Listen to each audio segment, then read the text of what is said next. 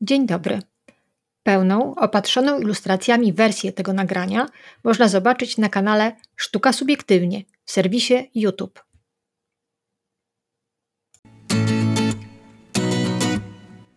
Odcinek ten jest kontynuacją poprzedniej, 15 części poświęconej motywom ryb w sztuce. W tradycji sztuki przedstawienia ryb najczęściej odnajdujemy w martwych naturach – już od czasów najdawniejszych fascynowały swoim kształtem, kolorem, strukturą. Należąc do powszechnie dostępnego pokarmu, znajdowały się często na stołach. Rzymska mozaika z II wieku naszej ery, z willi znajdującej się niedaleko katakum Domitylli, wyraźnie ukazuje to, co jedzono w bogatych domach. Cebrzyk z owocami morza, wiązka szparagów, daktyle, oskubany drób i ryby – to składniki lekkiej i wykwintnej diety rzymskiego patrycjusza. Warto zwrócić uwagę na to, że zaprezentowane produkty są nietrwałe, łatwo się psują, stąd też także w czasach rzymskich wygórowana cena, na którą tylko nieliczni mogli sobie pozwolić. Twórca mozaiki równomiernie rozłożył elementy na płaszczyźnie. Posłużył się m.in. elementami perspektywy kulisowej, dającej wrażenie realności przedstawienia.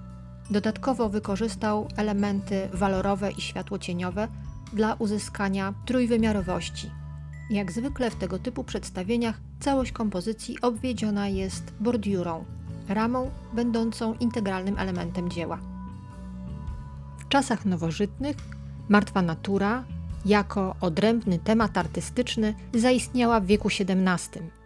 Mistrzowie baroku doprowadzili do perfekcji iluzyjne, realistyczne przedstawienia, skomponowane głównie z przedmiotów i elementów natury nieożywionej. Jednym z mistrzów tej formy był Abraham Henriksson van Bayeren. Był członkiem cechu malarzy w Hadze, ale także mistrzem cechowym w Delft. Specjalizował się w wąskim ujęciu tematu, chętnie malując stragany i stoły uginające się pod owocami morza pochodząca z około 1650 roku, martwa natura z rybami jest kwintesencją stylu artysty. Niedbale rzucone na stół ryby i skorupiaki wydają się być wprost przyniesione z targu, który prawdopodobnie odbywał się nad brzegiem morza. Fragment tej przestrzeni widzimy z prawej strony obrazu w otwierającym się kadrze okna. Nieład kompozycyjny jest tylko pozorny, Artysta przemyślał starannie układ swojej martwej natury, umiejętnie rozkładając tony zimne i ciepłe, akcentując całą strukturę cynobrowo-różowym fragmentem równo przyciętego łososiowego dzwonka.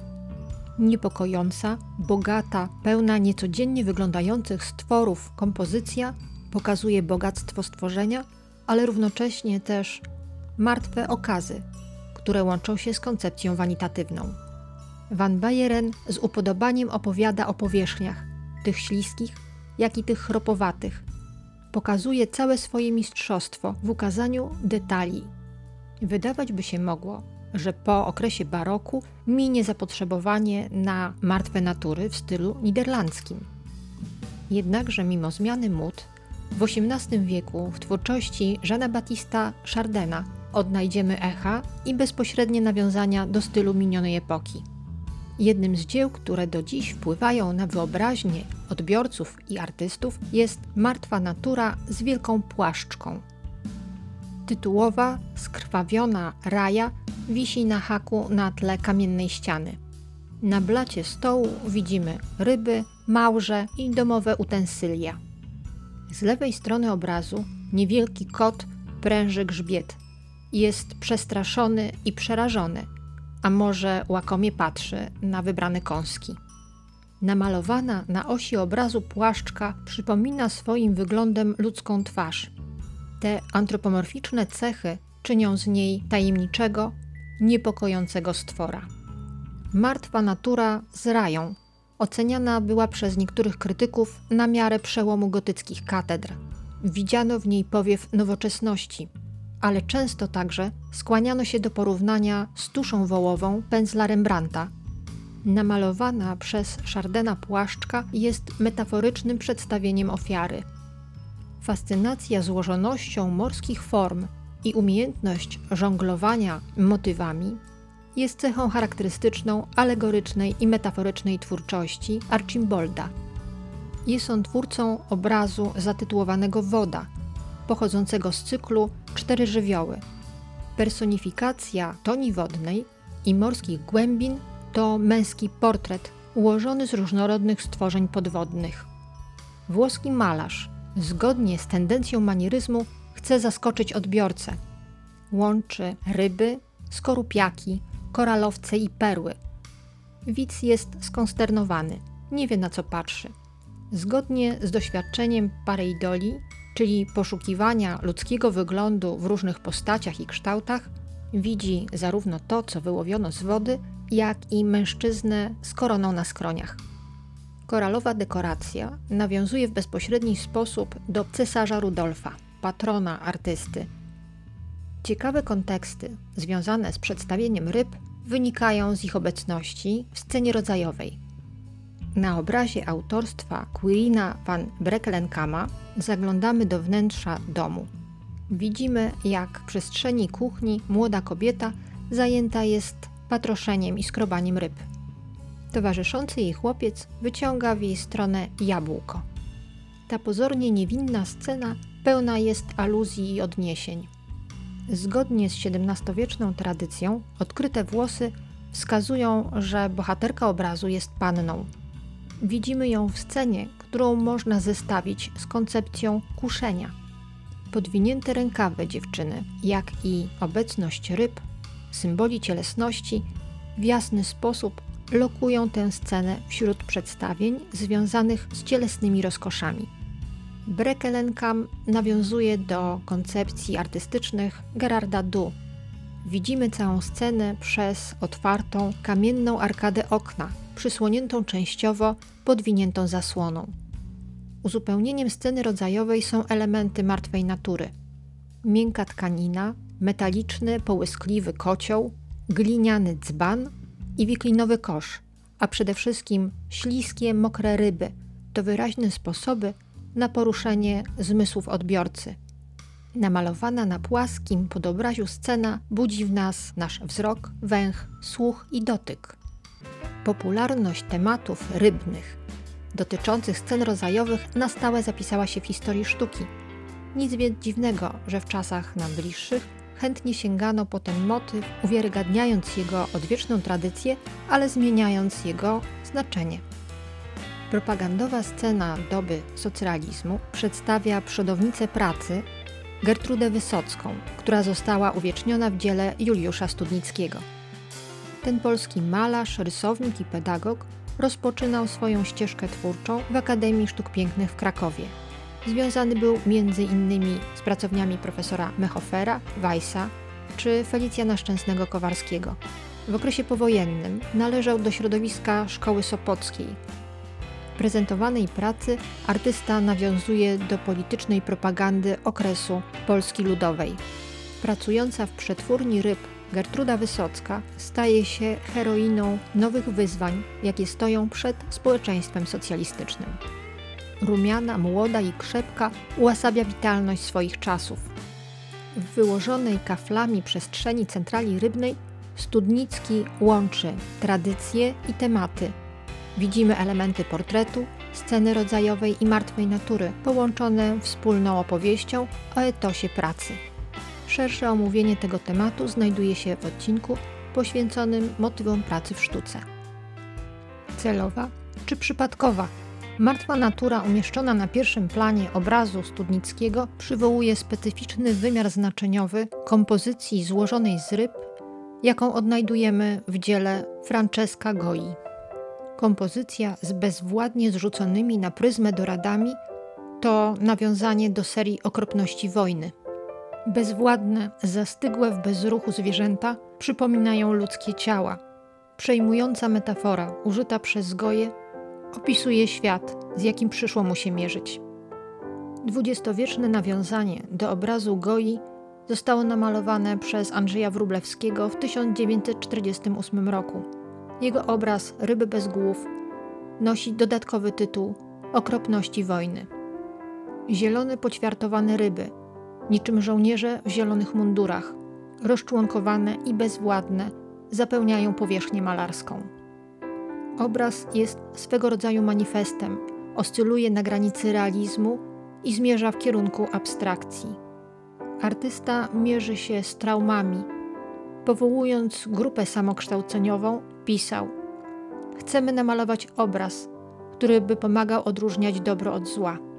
Drastyczne, pełne dramatyzmu przedstawienie mocno zapada w pamięć. Uproszczony, opływowy kształt ryby jest wdzięcznym motywem malarskim. Sumaryczna, zamknięta forma daje się sprowadzić do prostego znaku. Powielony motyw, zróżnicowany pod względem koloru i kształtu, pojawia się często w ornamentach i dekoracjach. Stanowi element wizualnej zabawy. Motyw ryby w pracach szwajcarskiego malarza Paula Klee jest elementem jego surrealistycznych koncepcji. Prezentowany obraz powstał w 1925 roku. Namalowany jest olejem i akwarelą na płótnie. Dodatkowo w centralnej części umieszczony został fragment przejrzystej tkaniny, który nadaje kolażowego charakteru całemu przedstawieniu. Z ciemnego, zagadkowego tła wyłaniają się ryby, rośliny i dziwne postacie. Wydaje się, że artysta wyskrobał swoje formy z ciemnej materii i odsłonił podskórną warstwę dzieła. Odsłaniany tajemniczy świat pozostaje jednak nieodgadniony. Jest odbiciem wrażliwości samego artysty. Dla artysty malarza Tadeusza Kozłowskiego, studiującego pod kierunkiem profesora Tadeusza Proszkowskiego w Warszawskiej Akademii Sztuk Pięknych, martwa natura z rybami staje się jednym ze sposobów opowieści o malarskiej materii i barwie, związanymi z tradycją polskiego koloryzmu i postimpresjonizmu.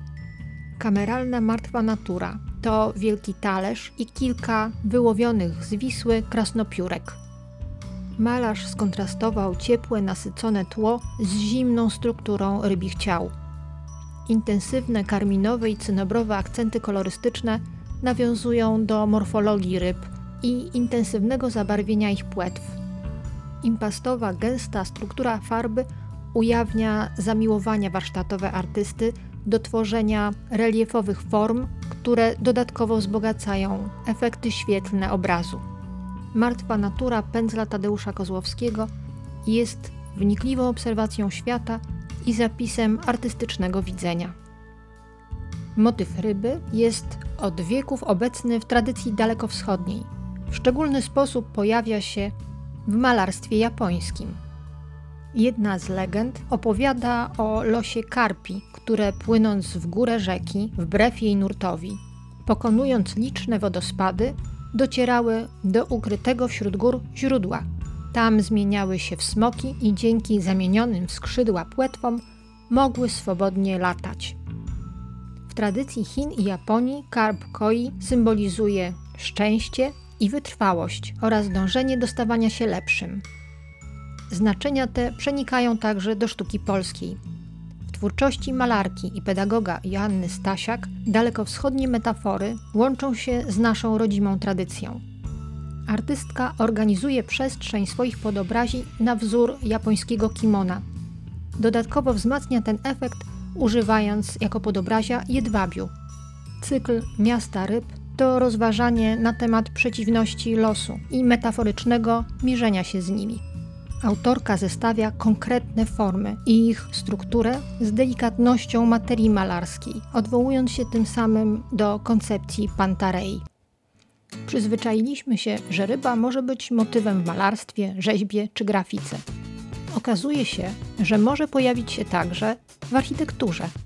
Zaprojektowana przez Franka Gerego potężna konstrukcja wystawiona w 1992 roku nad brzegiem morza w Barcelonie z okazji Igrzysk Olimpijskich stanowi po dziś jedną z większych atrakcji miasta.